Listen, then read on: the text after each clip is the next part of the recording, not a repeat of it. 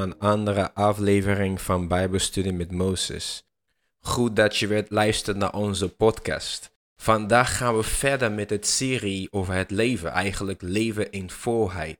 We gaan eigenlijk verder bouwen op waar we de vorige episode zijn geëindigd. Nou, vorige episode heb ik een paar dingen kunnen neerleggen. Ik geloof dat God wil dat jij leeft. Het is Gods wil dat jij een goed leven leidt. Nou, wat bedoel ik met een goed leven? Sommige mensen denken van ja, alleen uh, materiële dingen. Nee, ik heb het zeker niet alleen over materiële dingen. Maar materiële dingen horen er nou gewoon daarbij. Maar het is Gods wil dat je in gezondheid leeft. Het is Gods wil dat jij mentaal, emotioneel, fysiek goed bent. Het is Gods wil bovenal dat je geestelijk helemaal in orde bent. Nou, je zou zeggen van Mozes, waar heb je dat vandaan? En hoe kom je daarbij dat God wil dat je goed leeft en dat alles goed gaat in je leven? Ga met mij naar het boek van 3 Johannes 1, vers 2.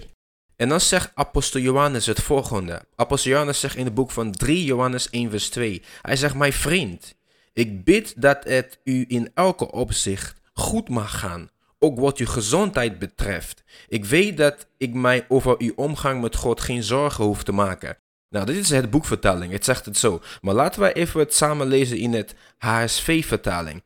Zegt de Bijbel, zegt, geliefde, dus 3 Johannes 1 vers 2, in de HSV-vertaling. Zeg, geliefde, ik wens dat het u in alles goed gaat en dat u gezond bent, zoals het uw ziel goed gaat. Nou, is, hij zegt, ik wens dat u gezond bent in alles. In alles, in alles. Dus met andere woorden, geestelijk, emotioneel en fysiek. Zoals het uw ziel goed gaat. Dus we zien je dat het is Gods wil dat het goed gaat met jou. Nou, de Engelse Bijbel zegt dat, Beloved, I hope above all things that you may prosper. Dat betekent prosper eigenlijk voorspoedig. Voorspoedig gaat. Dus de Bijbel zegt, ik bid dat alles, alles aangaande je leven voorspoedig gaat zelfs je ziel voorspoedig gaat. Nou, laten we teruggaan naar Jezus. Wat zegt Jezus over het leven? Wat zegt Jezus over het volheid van het leven? Nou, de Bijbel zegt in het boek van Johannes 10, vers 10. De dief komt alleen maar om te stelen, te slachten en verloren te laten gaan. Ik ben gekomen opdat u, zij, leven hebben en leven in overvloed. Dus Jezus zegt, de dief komt. Wie is de dief? De dief is Satan. Dat is, we noemen hem de boze, de boze, de boze geest. Die tegen, eigenlijk tegen de mensen en tegen God is. Maar hij zegt, hij komt alleen maar om te stelen, te slachten en te vernietigen. Nu zegt Jezus, ik ben gekomen opdat jij leven zou hebben. Leven in overvloed. Dus Jezus zei, ik ben gekomen niet alleen zodat je leven hebt, maar overvloedig leven. Je weet, er zijn sommige mensen die hebben altijd net genoeg altijd net genoeg. Ze hebben niet meer dan genoeg. Altijd net genoeg. Elke maand komen ze net rond. Nou, Jezus zegt, ik ben gekomen zodat jullie leven zullen hebben. Overvloed. Niet alleen net genoeg. Overvloed. Nou, overvloed, wat betekent overvloed? Ik weet, ik ben ervan bewust dat er zijn mensen die zeggen van, ja, eh, jullie prediken voorspoed evangelie. Dus met andere woorden, wat dat betekent is dat mensen zeggen dat jullie prediken het evangelie dat iedereen rijk moet worden, bla bla bla. Nou, ik predik zeker geen voorspoed evangelie, maar het evangelie is sowieso voorspoedig. Het evangelie is sowieso voorspoedig. Dat is gewoon wat het evangelie is. Niemand kan er omheen, want Jezus was gekomen. Hij zegt, ik ben gekomen zodat jij leven zou hebben. Leven in overvloed. Dus als Jezus het heeft gezegd, dan is het zo. Ik geloof wat hij zegt. Luister, in het Oude Testament, hè, toen God ze uit Egypte bracht. De Bijbel zegt dat ze waren 40 jaar in de woestijn en geen enkele persoon was arm. God gaf ze eten elke dag. Ze hadden allemaal genoeg. Zelfs toen ze uit Egypte gingen, de Bijbel zegt ze gingen uit Egypte met goud, zilver, al de rijkdommen van Egypte. Zo gingen ze weg. Dus we zagen al Gods wil in het oude verbond. Nou, laat staan het nieuwe in Christus. En de Bijbel noemt het het betere verbond. Nou, laten we even samen iets lezen.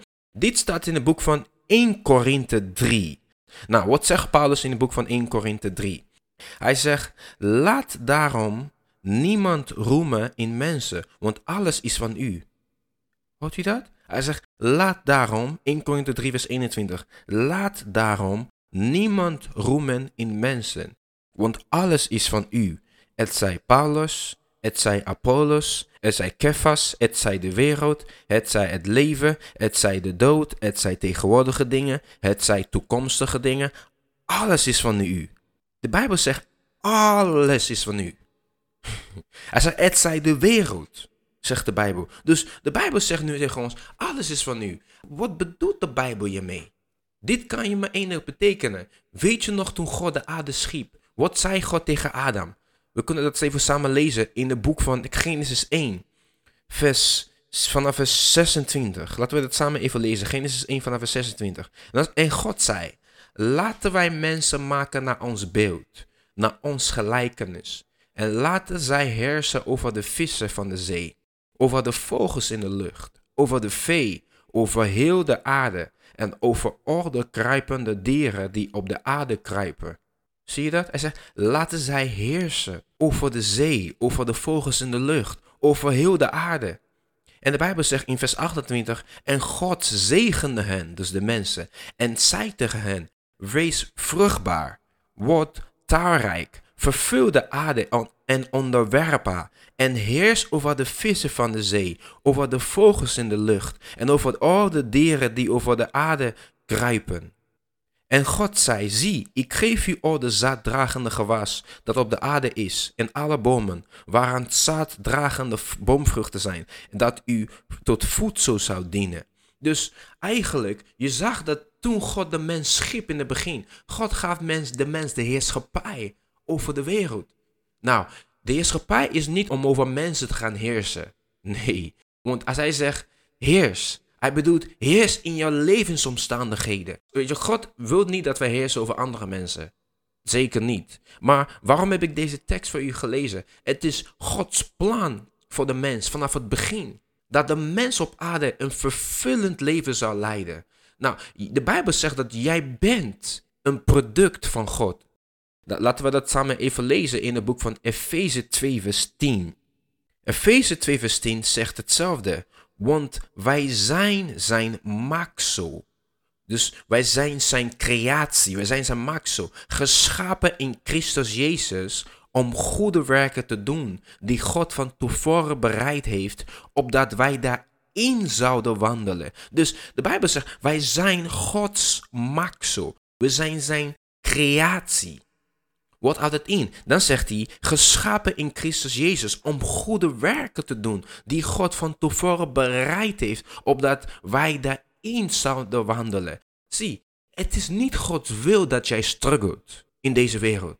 Het is niet Gods wil dat jij net genoeg hebt, dat jij net genoeg rondkomt. Je zegt, Mozes, ja, maar ja, ik struggle. Ik heb niet genoeg. Er zijn mensen in de wereld die niet genoeg hebben. Maar ik laat je gewoon zien dat het is niet zijn perfecte wil. Het is niet zijn perfecte wil. Nou, weet u toen God de aarde schiep?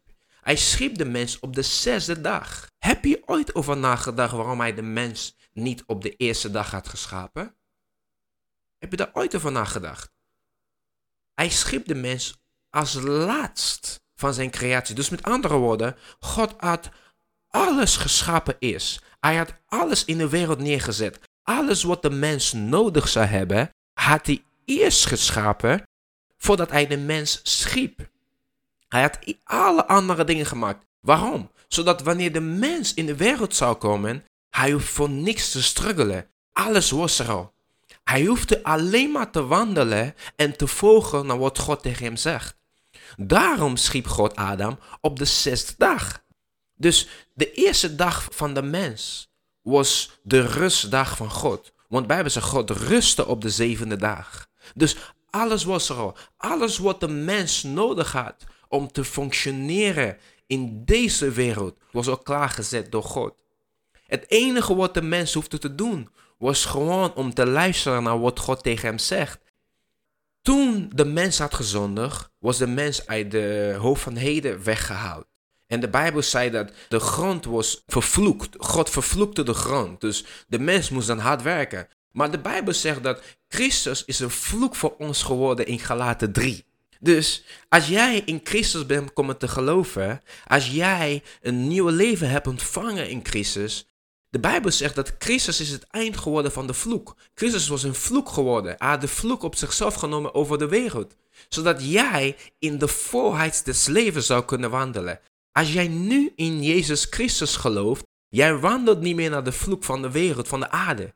In het nieuwe leven dat Jezus kwam en aan ons hebt gegeven. De Bijbel zegt nu dat Jezus Christus is onze voorheid geworden. Jezus Christus is de vloek van ons geworden, zodat wij niet meer vervloekt zijn. Zodat wij in de voorheid des leven zullen wandelen. Dat kunnen wij verder zien in het boek van 1 Johannes. 1 Johannes 5 vers 12.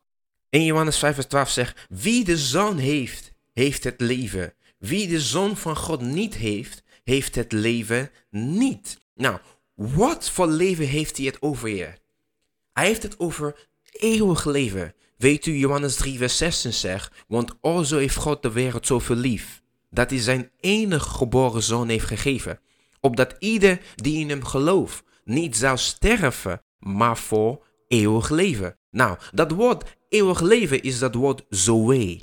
Er zijn meerdere woorden om het leven te duiden in het Nieuw Testament. Eentje is suke. Suke is het leven, het gewone leven. Iedereen heeft suke. Een levende wezen. Iedereen, heeft, iedereen leeft. Alles leeft. Dieren hebben suke. Eh, planten hebben suke. Mensen hebben suke. Maar zoe betekent eigenlijk goddelijk leven. En goddelijk leven heeft niet alleen maar te maken met de, de kwantiteit van het leven. Het heeft niet alleen maar te maken met dat je voor eeuwig zou leven, dat je voor altijd zou leven. Het heeft ook te maken met het kwaliteit van het leven. En dit leven heeft Jezus aan ons gegeven. Hij zegt, wie de zoon heeft, heeft zoe. Zoe, dus wie de zoon heeft, heeft eeuwig leven. Wie de zoon heeft, heeft eeuwig leven, heeft een nieuwe leven, heeft de volheid van het leven. En dit is zo bijzonder, want dit is wat de christen heeft. Dit is wat de persoon die in Jezus is komen te geloven, die persoon heeft zoe. Nou, je kan aan mijn stem horen, ik word heel excited. Omdat als je gaat, als je gaat begrijpen wat Jezus aan ons heeft gebracht, dan zou je versteld staan van de goede dingen die hij ons heeft gebracht. Hij zegt, wie de zoon heeft, heeft zoe. Wie de zoon heeft, heeft eeuwig leven. Niet alleen maar de kwantiteit van het leven. Als jij eeuwig leven nu niet hebt, heb je het ook niet wanneer je doodgaat. Daarom zegt hij, wie de zoon heeft, heeft leven. Niet wie de zoon heeft, zal leven krijgen. En daarom zegt hij ook, God heeft de wereld zo verliefd dat hij zijn enige zoon heeft gegeven, opdat iedereen die in hem gelooft niet zou sterven, maar zou eeuwig leven krijgen later wanneer hij doodgaat. Nee, hij zou je zoon nu eeuwig leven hebben. Wie in hem gelooft, heeft eeuwig leven. En dit leven is zoe. Het is de goddelijk leven. God heeft de mens in leven gebracht en dit leven is in zijn zoon Jezus Christus. Wie Jezus heeft, wie Jezus heeft aangenomen als zijn redder en verlosser, komt in relatie met God en die persoon ontvangt een nieuwe soort leven. De eerste Adam had zijn leven, had een normale leven, een menselijke leven. Dat is eigenlijk het Griekse woord suke. Je kan ook het woord bios gebruiken, dus een manier van leven. De nieuwe Adam, de Bijbel noemt hem de tweede Adam, wie Jezus Christus is. Hij was gekomen met een nieuwe leven en dat leven is de goddelijke leven. En dat goddelijke leven heeft alles in zich. De grote reden dat God Jezus Christus naar ons heeft gestuurd, is om ons een nieuw leven te geven. Zodat we met God één kunnen zijn. Zodat we in de volheid van het leven kunnen wandelen. Als je dit leven nu hebt, dan heb je de eeuwige leven. En dat leven is voorspoed. Ik heb net met jou gelezen, 1 Johannes 3, vers 2. Zeg, ik bid dat jullie voorspoedig zullen zijn. In alles. Het is voorspoed, het is gezondheid.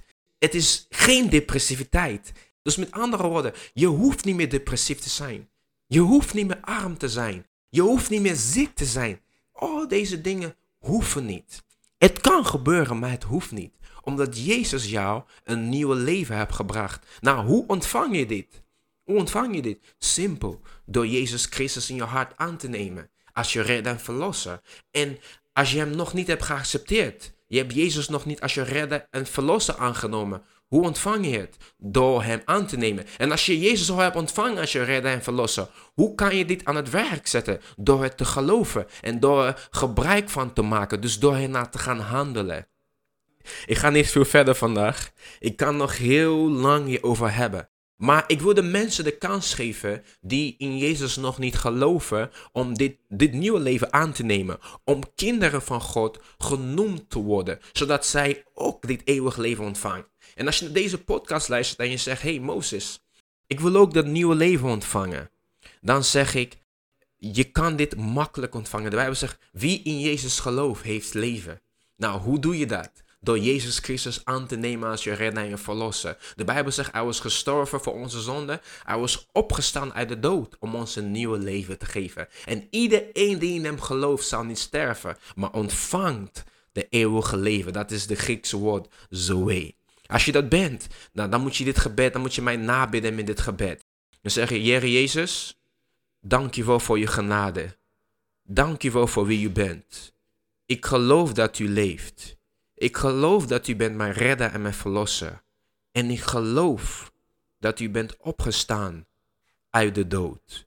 Dank u voor Heere Jezus. Amen. Nou, als je dat hebt gedaan, gefeliciteerd. Je hebt een nieuw leven ontvangen. De Bijbel zegt dat je eeuwig leven hebt ontvangen. Nou, blijf op de hoogte van onze teachings door naar onze podcast te luisteren. Het is belangrijk om jezelf op te voeden met het woord van God. En je kan op onze Spotify-account abonneren. Je kan op onze YouTube-account abonneren. Je kan mij volgen op Facebook, op Instagram. En als je vragen hebt, stuur het gerust via Facebook, via Instagram. En we zijn daar om jou te helpen. Nou, voor nu wens ik je een fijne dag. God zegen.